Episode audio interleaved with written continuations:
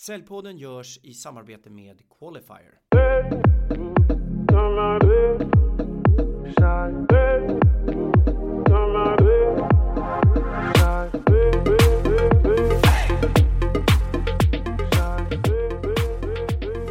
Välkommen till Säljpodden, en podd för oss som gör affärer. Jag heter Ken Skog och idag ska jag prata med en arbetsrättsjurist om ämnet skiljas som vänner.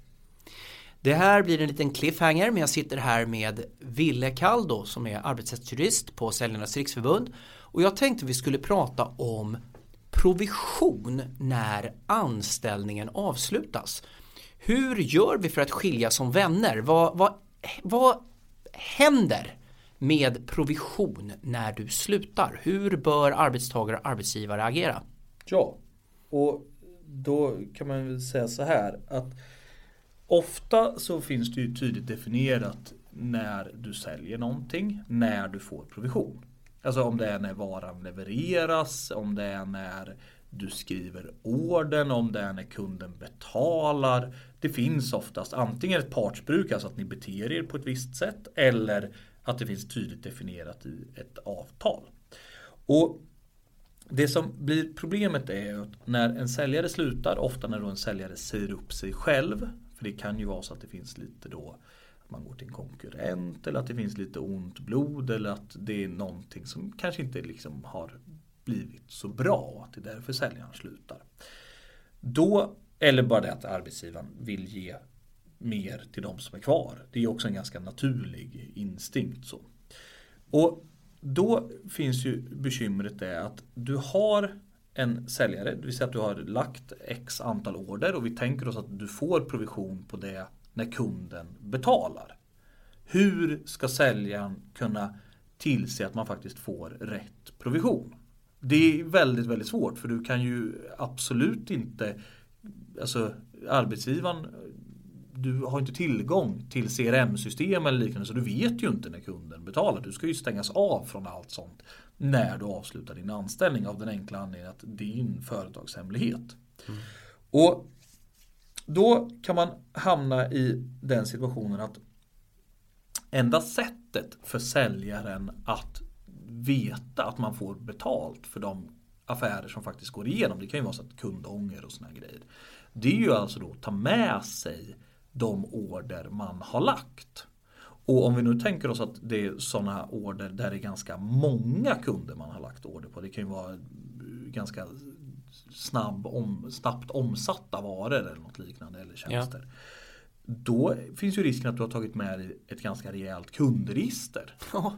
Och då vet ju vi alla att det strider ju mot lag om företagshemligheter och då riskerar man ju att hamna i en twist. Sen ska sägas att säljaren får göra det här om det hamnar, handlar uteslutande om att tillvarata sin egen rätt. Men det blir ju en väldigt knepig bevisfråga och är helt garanterat i så fall att det leder till tvist om det är en väldigt stor lista. Men om jag säljer någonting, jag har sålt in till en kund och sen så fortsätter kunden att köpa ett halvår efter jag har slutat tack vare det avtal som jag har landat. Mm. Har jag rätt till den provisionen? Generellt sett nej. Om det inte finns särskilt avtalat. Men då ska det vara särskilt avtalat. Så då måste man i så fall ha varit väldigt tydlig med det och definierat det i skriftlig form.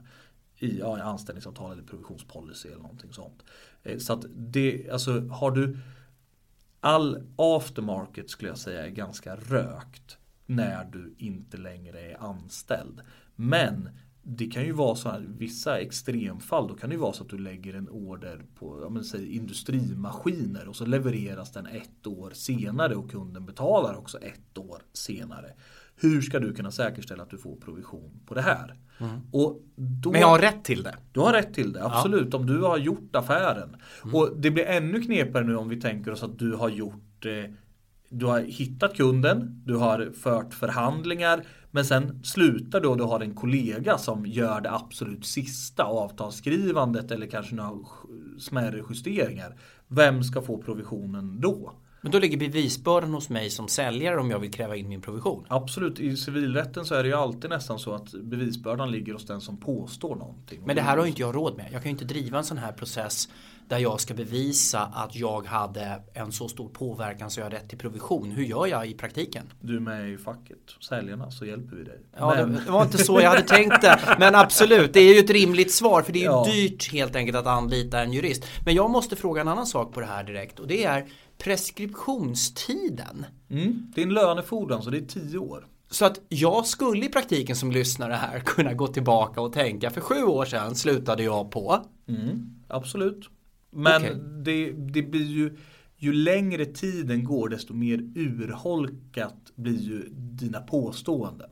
Ja, det är svårare att bevisa. Ja, det är mycket, mycket svårare att bevisa. Jag skulle säga att om det har gått sju år så är du nog garanterat rökt. Det är ingenting jag skulle driva åt dig i alla fall. Det, det kan jag säga om du inte har väldigt bra på fötter med skriftlig bevisning. Mm. Och det gäller överhuvudtaget när jag pratat med dig känner jag att just att faktiskt dokumentera dels i anställningsavtal, i olika provisionsdokument och så vidare. Att försöka dokumentera regelverket så att säga kring det här. Absolut. Och det gäller ju också, alltså min största rekommendation när man slutar är ju just att oavsett vad man tycker om varandra att man klart och tydligt definierar vad som gäller för de här kunderna. Jag har lagt de här ordrarna. Eh, de här är helt, den, de här tio ordrarna är helt färdigprocessade. De är inget bekymmer överhuvudtaget. Eh, de här 20 behöver ha den här och den här och den här handpåläggningen. Men, och så kommer man med, ett, med en kompromissförslag där man kan lösa fordringen direkt istället för att man hamnar i ett läge där du måste kontrollera så gör man bara en förlikning innan man ens har en tvist. Man säger att ja, du får betalt för de här och de här kunderna och sen så får vi se var resten hamnar. Men det, det har inte du någonting med att göra. Och så är man klara med varandra. Och det dokumenterar vi. Och det dokumenterar man i Ja. ett tydligt avtal. En sista fråga, jag vet inte riktigt om du kan eller vill svara på den frågan. Eh, det är två frågor. Hur många sådana här fall ungefär per år har du personligen där man är oense om provision vid avslut? Ungefär ett eh, 10 till 20-tal. Men det beror också lite på. Vissa är väldigt enkla eh, och vissa är väldigt mycket mer avancerade. Det är, de riktigt svåra har vi nog max en eh, 4-5. Eller jag, max en 4-5 om året. Men av de här 10 till 20, vilket innebär att jag som är matematiker säger att vi snittar på 15 där då. då. Ja. Hur många vinner arbetstagaren, hur många vinner arbetsgivaren? Alltså tack och lov så förlikar man nästan alltid de här ärendena. Så För båda att- vinner? Ja, så, ja, eller båda förlorar. Det beror Exakt. lite på om glaset är halvfullt eller halvtomt.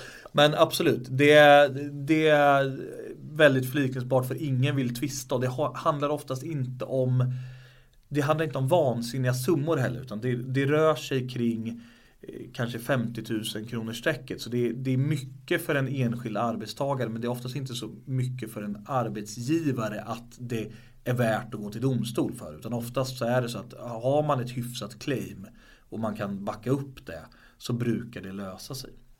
Men du, eh, utan att eh, leda in till den största marknadsföringen av Säljarnas Riksförbund igen här så vill jag ändå höra. Nu pratar ju du om fall där faktiskt arbetstagaren har ett ombud i den här frågan.